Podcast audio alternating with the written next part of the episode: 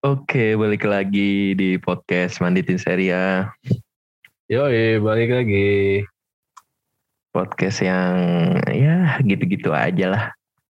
Iya. Sing penting istiqomah ya. Iya. Podcast podcast modal istiqomah. Hari ini kita kembali kedatangan tamu lagi nih, Versta. Yoi, akhirnya mengisi waktu ini ya Euro juga kan lagi Betul. nggak ada kompetisi Serie A jadi ya Euro Bersih. juga mainnya seminggu sekali Iya, kemarin kita bersiap, udah bahas Nah, bersiap untuk menyambut Serie A juga sih di akhir Agustus kemungkinan ya. oh, Serie A tuh mulai akhir Agustus ya Sepertinya sih akhir Agustus ya karena kan eh, Euro, Euro sampai Euro- kapan sih Euro 20 Juli. 20 Juli selesai oh bisa langsung langsung ini ya bursa transfer ya Iya, bursa transfer juga sekarang lagi pada Hmm. chaos-chaosnya nih. Nah. Ya kita kenalin dulu dong bintang tamu oh kita. iya kita ada tamu ya Iya. Ada Jadi, ada, ada- siapa nih, Tak? Jadi ternyata sebenarnya podcast kita punya pendengar setia ini. Iya, ternyata dia punya podcast juga kan? Ternyata punya podcast juga karena dengerin kita bikin podcast. Waduh. Dan ini luar biasa. Jadi jadi ini ya kayak kita podcast follower cuma 61, 61 apa berapa gitu. Terus ada yang terinspirasi bikin podcast gara-gara kita juga. Masa Bisa bisa Keren. bisanya gitu. keren, keren, keren. bisa aja gitu. Gue gua nggak nggak begitu ngerti sih, cuman ya kita tanya aja orangnya langsung sama coba sama Milanisti Culture. Wih, Mas Irfan ya? Yo, Irfan. Nih gimana nih Mas Irfan nih gimana nih? Kalau Kenapa kok bisa? kelihatan kok bisa dari gitu? nama podcastnya sih berarti dia pasti fans Kesena ya. Iya, fans Komo kayaknya sih. Komo 1908 ya. Iya. Coba coba kenalin diri dulu dong. Om ya, em, kenalin nama gue Irfan ya. Hmm. Em, gue Milanisti. Ya belum lama sih dari kapan ya 2008 kali kalau nggak salah. Hmm. Hmm. Yang waktu itu tuh em, kan gue tuh sebetulnya awal-awalnya tuh Madridista ya. Nah waktu itu Hmm. kan ketemu sama Real Madrid yang waktu kakak baru pindah tuh. Oh iya 2009 2010 ya. Eh, di Liga Champion kan ketemu Liga tuh. Champion. Aha. gue penasaran ini siapa yang ngalahin Real Madrid kan waktu itu kan Oh, tiga dua iya. tuh Iya 32 di Bernabeu. Iya dari situ tuh gue mulai suka sama Milan gitu karena bisa ngalahin Real Madrid kayak gitu awalnya sih Terus terus apa yang menginspirasi Bro Irfan ya? Kenapa podcast kita nih jadiin inspirasi buat bikin podcast gitu? Buat uh, Culture tuh bikin jadi gitu jadi podcast tuh. Kenapa nggak yang lain gitu? Gue nggak ngerti sih. Ini unik kayaknya.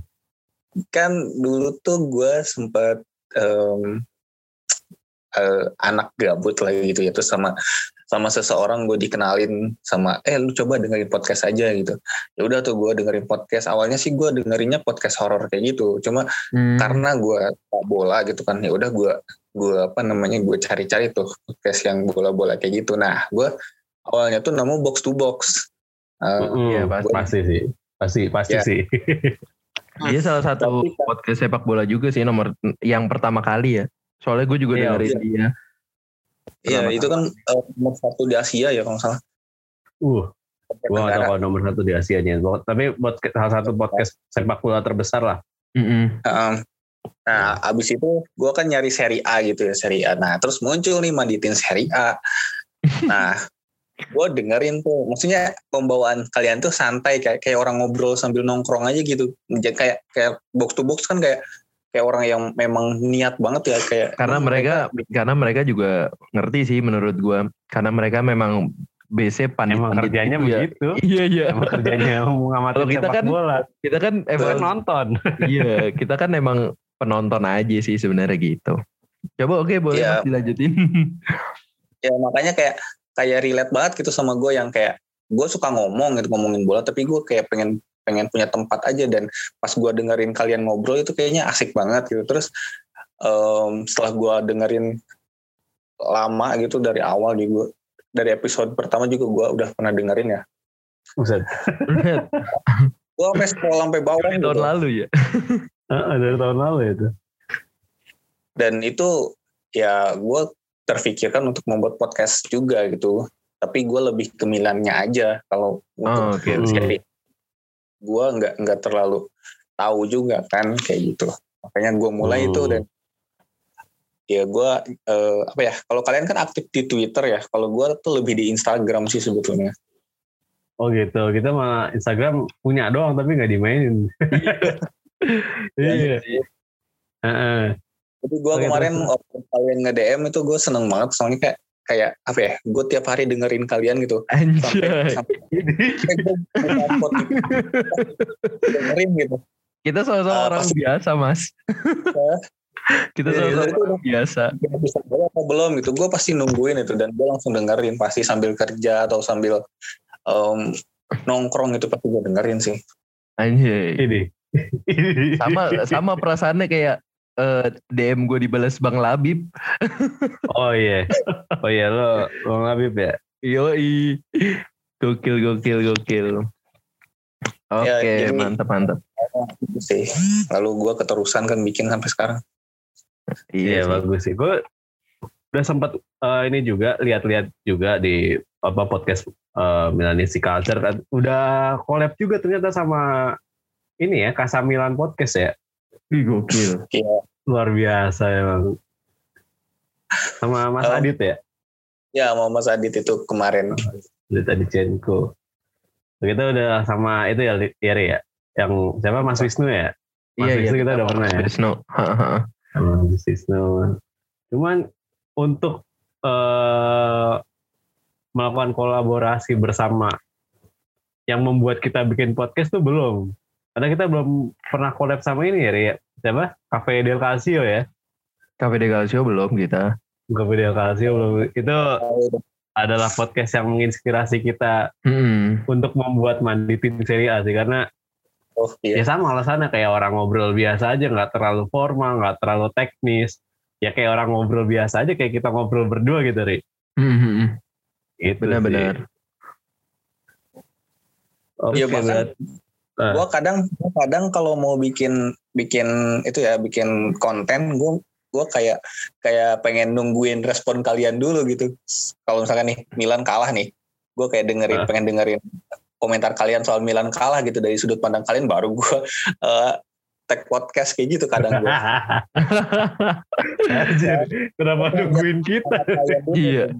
Gue justru, eh kita justru ini ya Taya. Pengen tuh se, ya? se apa tuh namanya se objektif mungkin gitu ya kan kita. eh, Iya. Gue sih sama Verstappen sa- pernah ngomong ya kayak kita nggak nggak puas nih sama eh, ada beberapa bah, bah- apa bahasan podcast yang kayak bahasa Italinya kok dikit banget. Nah kita nih pengen ngebahasnya sebenarnya eh, yang lebih luas gitu. Jadi kalau bisa dari 1 sampai 18 kita bahas semua ya Taya. Mm-mm. Iya kayak gitu. Ya terus juga kita sebenarnya bahasnya juga nggak teknik-teknik banget ya Ri. ya. Awam aja gitu. Iya, Ngomonginnya kita awam sepak aja. bola awam aja gitu ya. Sepak bola awam Tontonan gitu. aja, sepak bola Heeh. penonton sepak bola. sebagai penonton aja. iya, iya gitu-gitu aja. Yoi. Tapi ya, ya alhamdulillah sih maksudnya udah sampai di titik sekarang kita tuh udah lumayan Apa ya, titik ini? apa anjing? titik apa? Eh, sengaja nih. Walaupun kecil deh, walaupun kecil, kita udah collab sama ini empat supporter apa fans club yang resmi gitu. Uh, iya iya bener. Iya gak? Iya kan? Yo, Yoi. Gitu. oh ya Fiorentina sama eh mana lagi lupa Sampdoria. Fiorentina, Sampdoria, Torino, Iya. sama Lazio ya. Iya, menyusul sama eh, Sassuolo mungkin. Ya sama Sassuolo Indo kalau ada atau Bres Brescia Indo mungkin kalau ada. Ini mau Gitu. ada pembahasan nggak nih? Ini ngobrol-ngobrol aja kita mah nih kayak kayak apa apa ya jatuhnya ya jumpa fans kali kita ya Ya ilah jumpa fans. Kayak banget lu. Lu bawa, bawa TikTok. Ya buat TikTok dah apa lima dong Ini kan lu berdua nih Milanisti nih. Gitu. Lu Iya. lu ngelihat eh, apa nih gue mau nanya ke lu berdua nih. Lu ngelihat eh, saudara saudara tiri kalian yang musim ini juara tuh gimana? coba coba Oh. coba Bro Irfan dulu Bro Irfan Gue dulu ya. Hmm. Ya kalau menurut gue sih ya emang mereka pantas sih buat juara soalnya kan dari skuad juga emang lebih mentereng ya daripada AC Milan yang bahkan gue lebih eh, apa ya kayak kayak gue pikirannya AC Milan bakal finish di posisi 4 gitu kalau nggak tiga gitu. Dan nyatanya bisa jadi runner up itu ya luar biasa banget dengan pemain sayap yang pada mandul semua. Eh, Rebic kan putaran kedua doang itu eh, apa iya namanya betul Hmm. skornya. Iya iya. Putaran betul. pertama satu gol doang ke gawang Lazio. Sisanya putaran kedua dia ngegasnya. Iya. Iya, betul. Leao, Leao, Hauge, Selemakers, Castillejo itu em, rating golnya tuh nggak lebih dari 6. Hmm. Hmm, Sisanya benar. tuh kayak penalti. Ibrahimovic, Bra- Hakan Cahanoglu tahu sendiri kayak kayak apa angin-anginannya. Dan dia pun cuma 4 gol apa 5 gol gitu Hmm. musim ini. Heeh. dan dia bikin 9 assist musim ini itu bukan dari open play tapi dari eh, bola Set mati ya hmm, Iya, servis atau eh, sepak pojok dan itu tuh menurut gue kalau kata Coach Justin tuh bukan assist kalau kayak gitu kayak kayak untung-untungan aja gitu lu lu Hmm. nendang ke mana ya ada temen lu yang yang ngambil terus gue ya udah jatuh kayak dari gitu. langit bukan? Gol jatuh dari langit. enggak Hmm, operan yang bukan asis Ri asis yang bukan Iya. asis Oh iya iya. iya. Ada setuju sih kalau itu Oh. bukan assist gitu iya operan menuju kerumunan Iya kayak gitu dan dan apa ya konsis- konsistensi dari si Lukaku Lautaro itu emang benar-benar luar biasa sih. Dan AC Milan nggak punya itu sampai Leo Rebic aja gitu yang di yang di apa yang dimainkan. Lalu Mandzukic juga di luar harapan kan yang tadinya mau mau bilang mahrabannya Scudetto pas Mandzukic datang ternyata malah bapuk sebapuk-bapuknya. Main Hmm. cuma dua kali full waktu lawan Lazio sama Red Star. Habis Hmm. itu dia cedera terus. Ya walaupun memang dari sisi lainnya dia em, bisa dicontoh juga ya di tiga bulan terakhir dia nggak ngambil gaji. Hmm, itu mungkin jadi, hal yang positif gitu bagi Milanisti untuk menutupi eh, kontribusi dia yang sangat minim.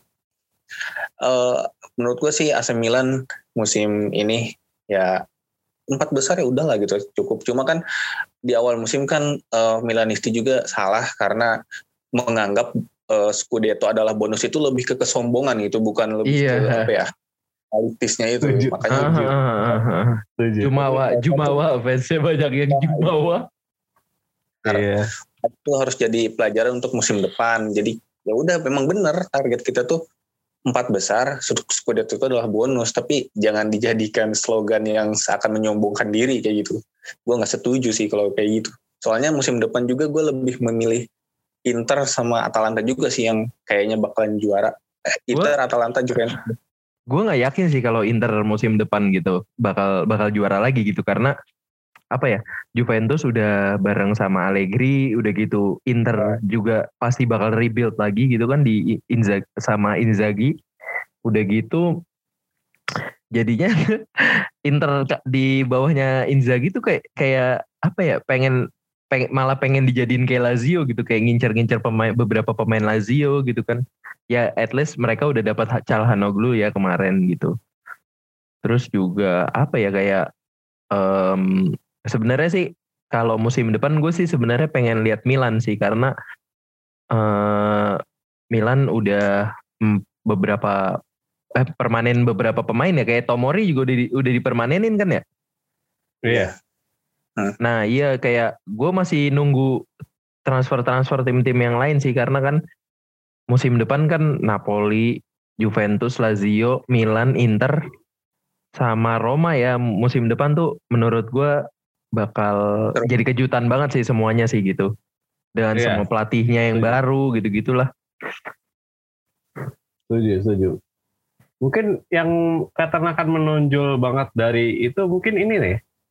Atalanta sama Roma sih kalau dari gue ya. Feeling gue, feeling gue ya. Iya sih, Atalanta kalau misalnya dia bisa pertahanin pemain yang bagus di Euro ini nih, Hmm. pasti musim depan masih bisa berbicara banyak di Liga Champions sih menurut gue. Nah Gitu. iya, masalahnya kemarin tuh Atalanta cuman ya nggak hoki di akhir-akhir aja Kak. bisa Iya. bisa kasih. Milan jadi runner up.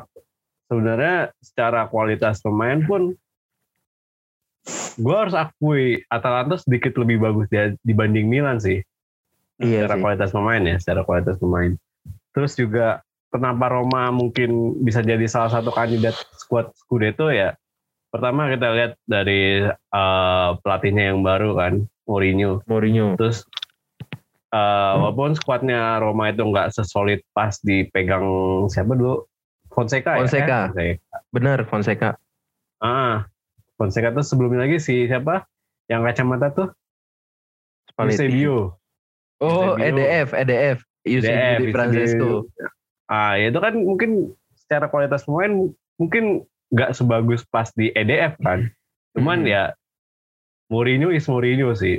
Menurut gue mungkin Roma bakal bis- bakal bisa berbicara lebih banyak di liga musim ini sih. Hmm. Sedangkan kalau kalau ngomongin Milan sendiri pun ya sebenarnya kemungkinan masih banyak transfer-transfer yang akan terjadi walaupun apa eh, yang keluar pun kayaknya juga masih ada. Kayak misalnya Leo katanya masih berusaha untuk dijual. Hmm. Gue setuju banget sih, itu gue setuju banget sih. Iya sih, gue juga, gue juga kayak ngelihat Castillo, Milan, Milan yang kayak, aduh Leo gitu kayak, udahlah jual aja lah pemain-pemain kayak gitu. Iya, Leo Castillejo tuh harus udah udah harus langsung dijual lah. Nah, yang Mm-mm. dijual malah Sauge anjir. Iya, Hauge ya malah Dan dijual ya. jelas ada kontribusinya yang dijual. Yang yang dijual gitu. Sed- Sedangkan yang kayak Leo itu masih ditahan. Ya mungkin eh, pihak sana atau Maldini mungkin ngelihat ada sesuatu di dalam Leo yang belum bangkit nih ya. Cuman kita sebagai fans nunggu nih kapan bangkitnya nih Leo nih. Gitu sih Mm-mm. Iya. dari gua sih. Gitu. Terus apalagi ya sama gonjang ganjing Romagnoli nih kan kayaknya kema- dari kemarin rumornya Romagnoli juga mau dijual kan kayak setelah dia lebih eh setelah Pioli lebih percaya sama Tomori di beberapa pertandingan terakhir gitu kalau Hmm. ngelihat dari kacamata fans Milan sendiri menurut kalian gimana nih Romagnoli tuh udah keluar aja gitu apa gimana menurut kalian? Siapa dulu nih? Kalau- dulu apa? Nah, Lu dulu deh. Gue dulu Coba. nih. Iya. Ah, bintang tamu dulu dong. Eh, terima kasih. Kalau menurut gue eh, masih butuh sih Romagnoli soalnya eh, dia juga kan kapten sebetulnya. Cuma eh, jelek di satu musim doang masa sih harus langsung ditendang kayak gitu. Apalagi kan Milan sekarang tuh kayaknya kekurangan bar ku- kekurangan banget Italianya gitu. Cuma Calabria doang musim depan yang jadi starter. Coba bayangin itu AC Milan rasa Inter kayaknya. Nah, betul. Itu betul. makanya Romagnoli harus tetap eh, dipertahankan apalagi Simon Kjær itu kan ya kita tahu lah udah umurnya udah 30 ke atas 32 atau 31 gitu di timnas Denmark aja dia selalu diganti di babak kedua gitu karena ya berarti mungkin selain strategi ya memang eh, performasi Simon Kjær tuh udah nggak kuat buat main 90 menit terus kayak gitu makanya seorang Romagnoli ini dipersiapkan untuk ketika si Simon Kjær ini udah udah seharusnya pergi dari Milan nanti kayak gitu. Hmm, dan Hmm. dan dan apa ya dari sekarang tuh dipersiapkan gitu. Jadi memang eh, duet utamanya tuh Tomori Simon Kjær tapi kan kita sudah eh, mempersiapkan duet Romagnoli Tomori sesekali di, dari musim ini gitu agar ketika Simon Kjær udah habis masanya kita udah punya duet back tengah baru yang udah siap pakai seperti itu menurut gue. Gue sih sama ya, kurang lebih sama ya. Uh, alasannya Romagnoli harus dipertahankan gitu. Pertama emang ya dia kapten. Kedua yang milih dia jadi kapten bukan bukan bukan orang yang nggak ngerti Milan gitu. Yang milih dia jadi kapten kan Gattuso. Orang yang sangat menghormati Milan, yang sangat uh, menghargai apa yang dia bermain untuk klub apa gitu. Mm-hmm. Maksudnya, ya gue percaya pilihan Gattuso tuh untuk memilih kapten tuh nggak salah. Pertama itu. Yang kedua adalah Romagnoli cuma jelek setelah dia uh, cedera. Dia awal yeah. musim cedera, awal musim cedera. Nah setelah balik dia belum bisa balik ke performnya dia yang sebelum cedera. Yang which is sebelum performa eh sebelum cedera itu dia performanya bagus banget beberapa kali di musim lalu uh, di musim 2019 2020 dia membuat apa uh, menyelamatkan Milan lah dari laga-laga kekalahan dari waktu itu lawan apa ya lawan Torino atau lawan apa gitu yang ya gue lupa lah yang asis dari Suso itu Udinese uh, Udinese ya Udinese oh iya Udinese Udinese, Udinese. Udinese. Uh, nah ya itu sih menurut gue Romagnoli hanya hanya jelek di setengah musim ini dan kebetulan Tomori datang dan langsung instant impact bisa dibilang instant impact lah duet uh, Tomori sama Kier itu. Nah terus hmm. gue setuju lagi setuju lagi sama Bro Irfan tuh Simon Kier tuh meskipun emang kelihatan strong sekarang ya, cuman kita nggak bisa memungkiri kalau misalnya dia tuh emang udah berumur.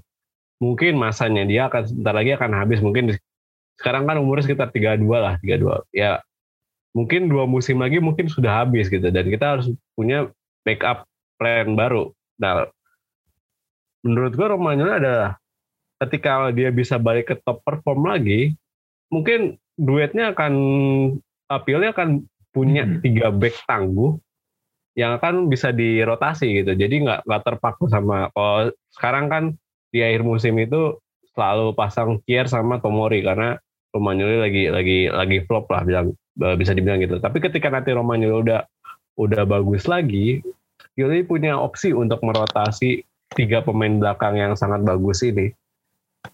Itu sih. Jadi gue masih berharap Romagnoli bisa bertahan di Milan dan uh, buktikan kalau misalnya kapten tuh jangan kayak yang waktu itu udah dikasih kapten musim depannya langsung cabut balik ke klub lamanya. Sape, sape. Iya, iya masa harus saya sebutin namanya oh. Bonucci, Pak. ya, yang, yang cedera, yang cedera kemarin itu. iya. Enggak tuh. Masa harus sebutin namanya Apa? Bonucci. gue sempat uh, suka tuh sama yang beknya beknya Milan yang muda tuh yang kemarin sempat pada nggak bisa main siapa sih? Kalulu ya? Kalulu. Oh, ya. Pierre Kalulu. Oh ya, Pierre Kalulu juga bagus tuh. Iya tuh Pierre Kalulu juga lumayan bagus waktu dia main gantiin. Siapa sih itu yang pada nggak bisa main? Pada kena covid iya waktu ya? itu uh, si Gabia kena. Ya, pokoknya ya, Gabia buang aja Gabia dah. Pokoknya waktu itu emang lagi krisis back tengah cuman si Simon Kier doang yang bisa main. Nah kalau kalau itu aslinya itu back sayap kanan. Hmm. kalau itu back sayap kanan cuman ternyata di plot sebagai back tengah dia juga wah itu strong banget sih dia. Buas lah dia kalau gue bilang ya. Si kalau itu tinggal nunggu waktunya aja sih sampai dia jadi start jadi starter di di back kanan. Itu sih menurut gue uh, Bro Irfan gimana nih soal Kalulu nih mungkin ada pendapat lain? Um, kalau lu sih ya kalau untuk dipertahankan menurut gue ya uh, wajib ya soalnya dia juga kan kemarin di di Euro juga kan diajak ya di U, U21 Perancis kan hmm, terus yeah. di Olimpiade dia juga dipanggil juga kan uh. dan uh, Milan itu kan memang butuh banget pemain di beberapa posisi yang satu pemain tuh bisa main di beberapa posisi kan Milan tuh demen banget sama pemain kayak gitu.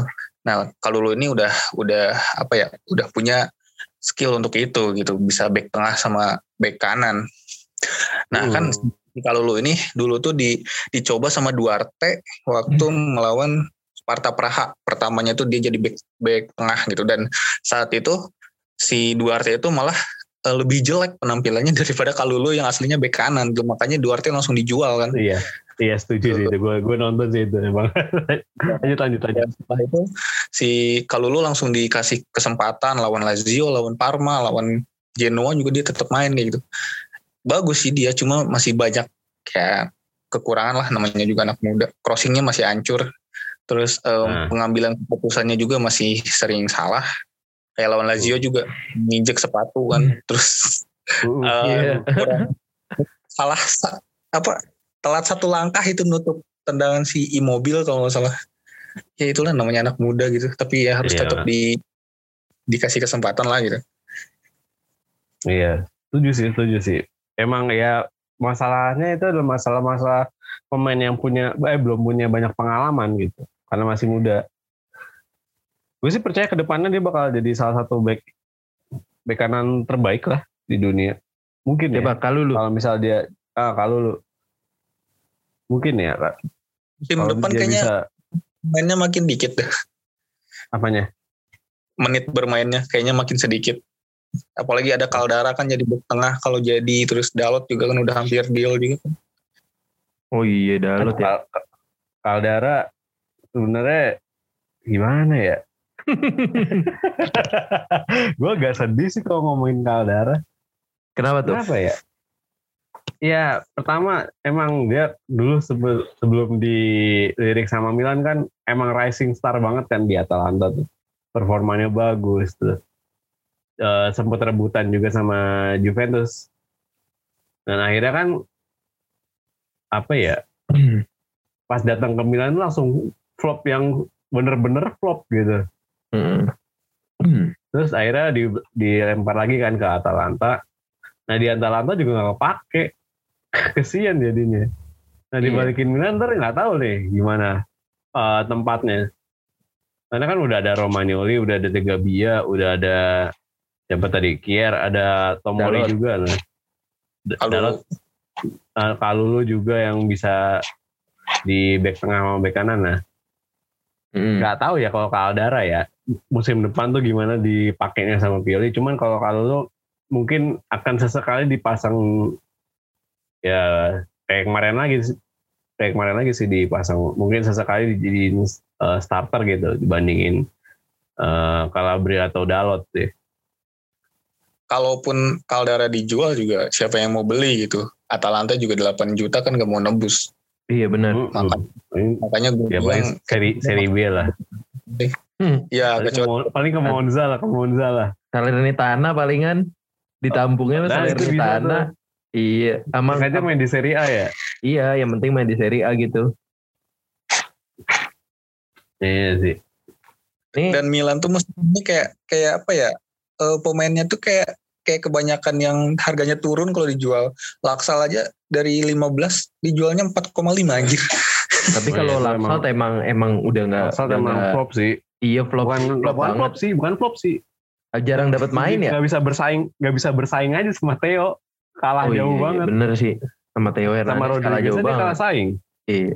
sama Ricardo Rodriguez dia nggak dapet tempat. Apalagi sama Theo udah abis. Ricardo Rodriguez Di- yang semalam gagal penalti. iya Rodriguez malah gagal penalti.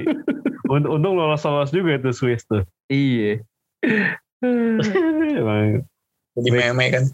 Ya, back keahliannya cuma back pass gitu doang tuh Nih 8 kita back pass tuh. 8 menit terakhir nih ya. Gue mau nanya sepeninggal Donnarumma nih. Mike Mike Nan gimana? Ayo. Eh, menurut gue sih eh, Maignan emang levelnya di bawah Donnarumma ya mungkin dua dua strip lah di bawah Donnarumma tapi eh, kita ngomongin tim ya jadi eh, sebagus apa pun kiper kalau backnya culun ya ya, ya kebobolan juga gitu kan. Iya iya. dan dan menurut gua Maignan eh, untuk setengah musim pertama kayaknya kita jangan berharap lebih gitu. Eh ya bakalan ada yang aneh gitu apalagi kan seorang Donnarumma nggak nggak kayak nggak kayak kiper lain gitu. Dia tuh dia tuh lebih menurut gua sih lebih lebih dekat ke Manuel Neuer ya yang dia bisa ngoper dari jarak jauh gitu Em, bisa uh, possession ball juga ikutan kayak gitu. Dan Iya. Maignan kan bukti kan mainnya bisa kayak gitu. Tapi ya gue percaya sih sama Maignan tapi ya harus butuh waktu aja gitu. Mm-mm. Hmm, ya. Eh, agak susah kalau gue sih, menurut gue ya. Gue mungkin sudah terbiasa nyaman gitu sama Donnarumma. rumah. Mungkin akan akan akan ya mungkin akan Ibarat betul, ibarat biasa. Milanisti nyaman sama Abiati ya. Ya, anjir. nyaman sama Kalak pak, Zelsko Kalak, Zetko kalak kan. kiper 2 meter yang bisa sama ini sama ini ya sama, Flavio Roma. ya. sama Marco Marco Amelia. Iya Mar- Marco Amelia masih jadi cadangan ketiganya timnas Italia coy. ketiga. Eh, Iya, cadangan kedua deng, cadangan ketiganya kan Peruzzi. Bukannya oh iya pokoknya itulah. Tapi di Milan jadi cadangan ketiga dia Oh iya iya. sama Michel Agazzi. Tapi kalau misalnya tiba-tiba performanya dia kayak Edward Mendy gimana? Ya nggak nggak nggak menolak. Eh, maksudnya apa ya? soalnya Ya mungkin Donar Donnarumma mungkin akan eh, masih membekas lah di di hati para benak- fans Milan di, ya. di hati ah, mungkin di beberapa hati fans Milan lah. Cuman eh, tugas mainan adalah selain ber- dia harus ber- bermain bagus, dia harus mengambil hati dari para fansnya itu. Mm-mm. Karena kan fans Milan tuh sebenarnya gampang banget diambil hatinya. Lu main bagus, lu menghormatin untuk siapa lu bermain, lu bermain untuk lambang yang ada di dada lu bukan yang ada di punggung lu, itu fans Milan udah pasti respect. Nah, tinggal Mike Maignan ini menunjukkan kepercayaan yang udah dikasih ke dia oleh tim Milan ini untuk untuk menjadi kiper yang kiper nomor satu ya Mm-mm. bisa nggak dia untuk mengemban beban itu terlebih kalau kita kalau kita flashback ke belakang ya mungkin Donnarumma itu udah saat di Italia di, di Italia mungkin kiper yang paling bisa dibilang giant sih maksudnya sebagai kiper dia proper banget tuh badan tegap tinggi gede terus Kayak lincah waktu lawan Austria aja, tak kan dia wingspan-nya wingspan-nya kan gede banget tuh. Untuk iya untuk seorang kiper apa jaya, daya apa ya eh, jangkauannya daya jangkauan luas tangannya banget. kan Iya, luas banget. Iya, itu yang kayak gitu, kemampuan fisiknya gitu istilahnya. Hmm. Sebagai kiper dia udah udah proper lah, udah udah udah oke lah. Mah menurut Nah, gua tinggal jadi main- jadi jadi pemain basket bisa itu dia Ya bisa banget. bersaing di Bisa NBA.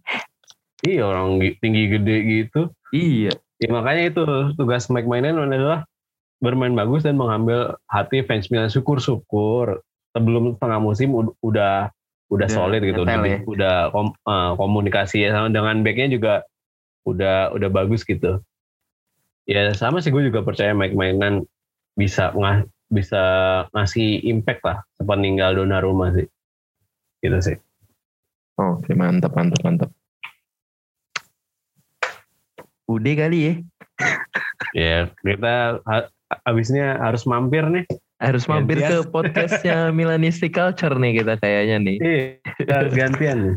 Oke. Mampir. Em, ada yang mau dipromosiin nggak Milanisti Culture? Siapa tahu Iya. pendengar-pendengar kita yang sangat banyak ini 31 kali ya Iya. bisa mendengarkan podcast Milanisti Culture mungkin ada yang mau disampaikan? Em, eh, sebelumnya makasih nih udah diajakin collab ya. Asik. Makasih banget atas kesempatannya. Em, untuk untuk teman-teman mungkin eh, boleh kalian follow akun Instagram Milanisti Culture. Ada juga eh, Twitternya, TikTok juga ada, dan Anjir. eh, podcastnya juga. Ya gitu kita eh, kalau kalau untuk Milanisti ya saling mensupport lah seperti itu udah sih Wis. Mantep nih Instagramnya ternyata, wih kreatif juga. Instagram kita kosong bateri. Emang suka ngomong di Twitter aja dah. Ya deh, gitu aja kali ya untuk episode bersama Milanisti Culture hari ini. Yo, Yoi. Seperti Hmm. biasa, gua Firsta cabut. gua Fahri gua cabut. Gue Irfan cabut. Yoi. Sampai Bye-bye. ketemu di podcast Milanisti Culture. Yoi.